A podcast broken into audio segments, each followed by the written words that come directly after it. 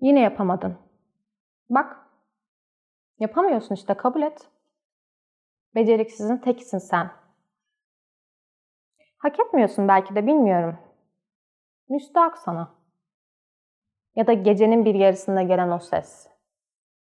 E geçen gün yaptın neydi öyle senin? Rezil oldun herkesin içinde, herkes sana baktı. De böyle olur olmadık yerde hemen ağlıyorsun. Çok duygusalsın sen. Çok zayıfsın. Çok güçsüzsün. Ya da yeterince zayıf değil. Yeterince güzel değil. Yeterince başarılı, akıllı. Yeterince onlar gibi değilsin. Merak ediyorum. İçinizden gelen bu acımasız sese siz de kulak veriyor musunuz? Öyleyse beni dinleyin. İçimizde bir mahkeme var ve dünya üzerindeki hiçbir yargıç içimizdeki yargıç kadar acımasız değil. Hiçbir ses içimizdeki ses kadar acımasız değil.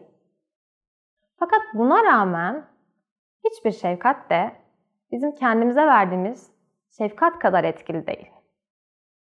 Peki ben bu şefkate nasıl ulaşacağım? İçimdeki bu zehirli sese, panzehir olan şefkate nasıl ulaşacağım? Nerede diyorsanız özümüzde yani içimizde. İşte öz şefkat de buradan geliyor.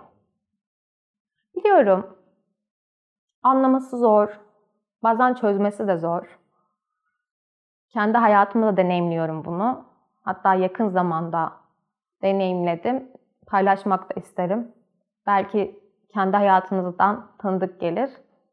Okulun son zamanları üniversiteden mezun olacağım ve ne yapacağımı bilmiyorum. Büyük bir kaygıya, telaşa kapıldım. Ne yapsam bilmiyorum. Bir türlü karar veremiyorum. Yüksek lisansa mı başlasam ama beni niye alsınlar? İş mi arasam? Acaba istediğim gibi bir iş bulacak mıyım? Hemen işe girebilecek miyim? Maddi kaygım da var bir yandan. Bir yandan da bunu eş zamanlı olarak aslında çok duygusal bir kayıp yaşıyorum. Hepsi üst üste geldi. Hayatımdan bir de okul gibi bir faktör çıkacak. Boşluğa düşeceğim. Ne yapacağım bilmiyorum. Eninde sonunda mezun oldum ve her şeyi saldırıyorum. Sınavlara hazırlanıyorum. Bir yandan bir okulda yüksek lisans derslerine başladım. Fakat kendimi çok yetersiz hissediyorum. Diyorum ben bunlar gibi değilim. Yapamam. Benim burada ne işim var? Onlar nerede, ben nerede? Kendimi çok böyle geride hissediyorum. Bir yandan iş arıyorum. Fakat kafamdaki iş değil. Ben bazılarını beğenmiyorum. Bazı iş yerleri beni çağırmıyor. Ve kendimi çok yetersiz hissediyorum. Yani iş bulamamayı bile kendime yordum. Dedim ki yani seni niye alsınlar ki zaten sen nesin ki yani? Beceriksizin tekisin sen. O kadar kişi var seni mi işe alacaklar? O kadar kişi var sen mi sınava kazanacaksın? O kadar kişi var sen mi gireceksin yüksek lisansa? Böyle böyle kendimi çok yargıladığım, kendimle savaştığım bir süreçti. Ve bununla da başa çıkamıyorum. Yani bu sese kulak veriyorum, bu sese yeniliyorum. Ama dışarıya da hiçbir şey yokmuş gibi davranıyorum. Çünkü neden? Yani eğer bir düşersem, bir duygusal davranırsam sanki herkes bana acıyacak, beni güçsüz görecek, beni zayıf görecek diye düşünüyorum. Siz de biliyorsunuz Türk kültüründe ne yazık ki duygusallık, ağlamak bir zayıflık, bir güçsüzlük şeklinde bakıldığı için böyle bir algı olduğu için ben de bunu istemiyorum. Fakat başa çıkamadım, olmuyor bir şekilde bir şeyler yoluna gitmiyor. Ve en sonunda bir arkadaşımla paylaşmaya karar verdim. Arkadaşıma anlattım bütün kaygılarımı ve korkularımı. Olmayacak diyorum, yapamayacağım, başarısızım, hayatımda hiçbir şey yok, çok boşluktayım, kendimi çok kötü hissediyorum, değersiz hissediyorum, başarısız hissediyorum. Anlattım. O da beni sonuna kadar dinledi. Ve bana dedi ki, senin şefkate ihtiyacın var. Ya ben diyorum ki başarısız hissediyorum. Bana diyor ki senin şefkate ihtiyacın var. Allah Allah diyorum. Yani bana birisi şefkat gösterse benim bu içimdeki başarısız hissi geçecek mi? Geçmez yani çok saçma geldi o anda. O bana dedi ki sen dedi kendini çok yargılıyorsun. Sen kendine birazcık izin ver. Sen aslında kendini hissettiğin kadar başarısız bir insan değilsin. Sen kendini olduğun gibi kabul et. Yani başarısız hissediyorsun ki başarısız da olabilirsin ama sen Funda'sın. Senin kendini olduğun gibi kabul etmen gerekiyor. Kendine barışman gerekiyor. Kendi kendinin elinden tutman gerekiyor ve kendine şefkat göstermen gerekiyor. Tamam, olur ama ben bunu nasıl yapacağım bilmiyorum. Yani bu zamana kadar ben kendime hep kötü davranmışım. Onun deyimine göre. Bu şekilde ayağa kalkmaya çalışmışım. Çünkü bunu öğrendim. Kendime çok öfkeliyim, çok sinirliyim zamanda. Ve yine böyle yap- yapıyorum ve bunu nasıl düzelteceğimi bilmiyorum. İçimden o şefkatli sesin, o şefkatli elin nasıl çıkacağını bilmiyorum çünkü. Yine böyle çok yükseldiğim bir gün, bu konulardan çok bunaldığım bir gün kendimi dışarı attım. Çünkü evde durmak istemiyorum. Evden birisi bir şey derdi ya güçsüz olduğum anlaşılır ya kafaya taktığım belli olur ya beni zayıf görürlerse bir yandan da zaten kendimi yetersiz hissediyorum. Kendimi dışarı attım. Yürüyorum, yürüyorum. Bir markete girdim. Biraz gezdim ve bir rafın önünde durdum. Ve içinden bir ses dedi ki sana ne alayım?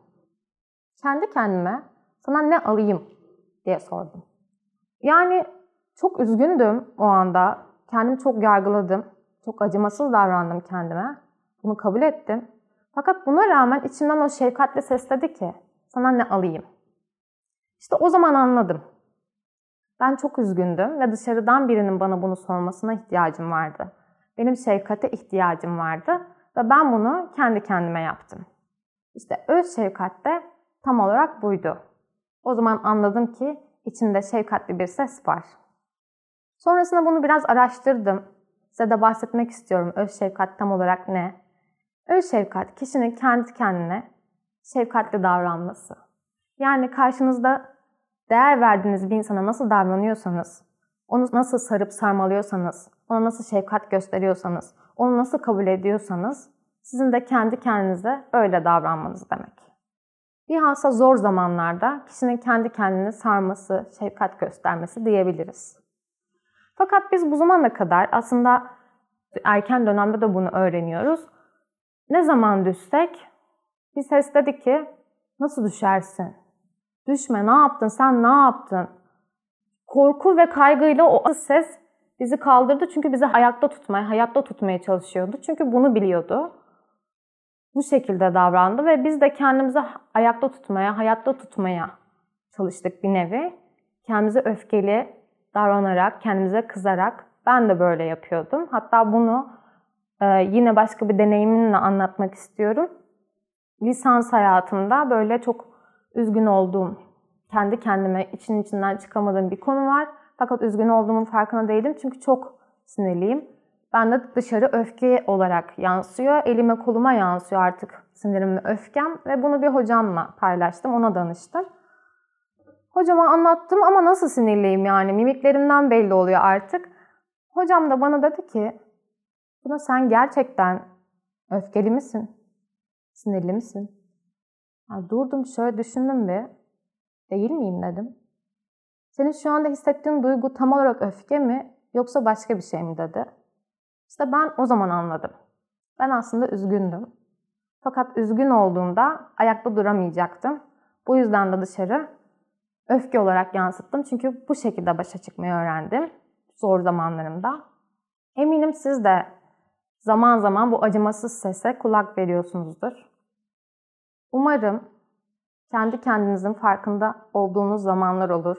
O şefkatli sese ulaştığınız zamanlar olur. Teşekkür ederim.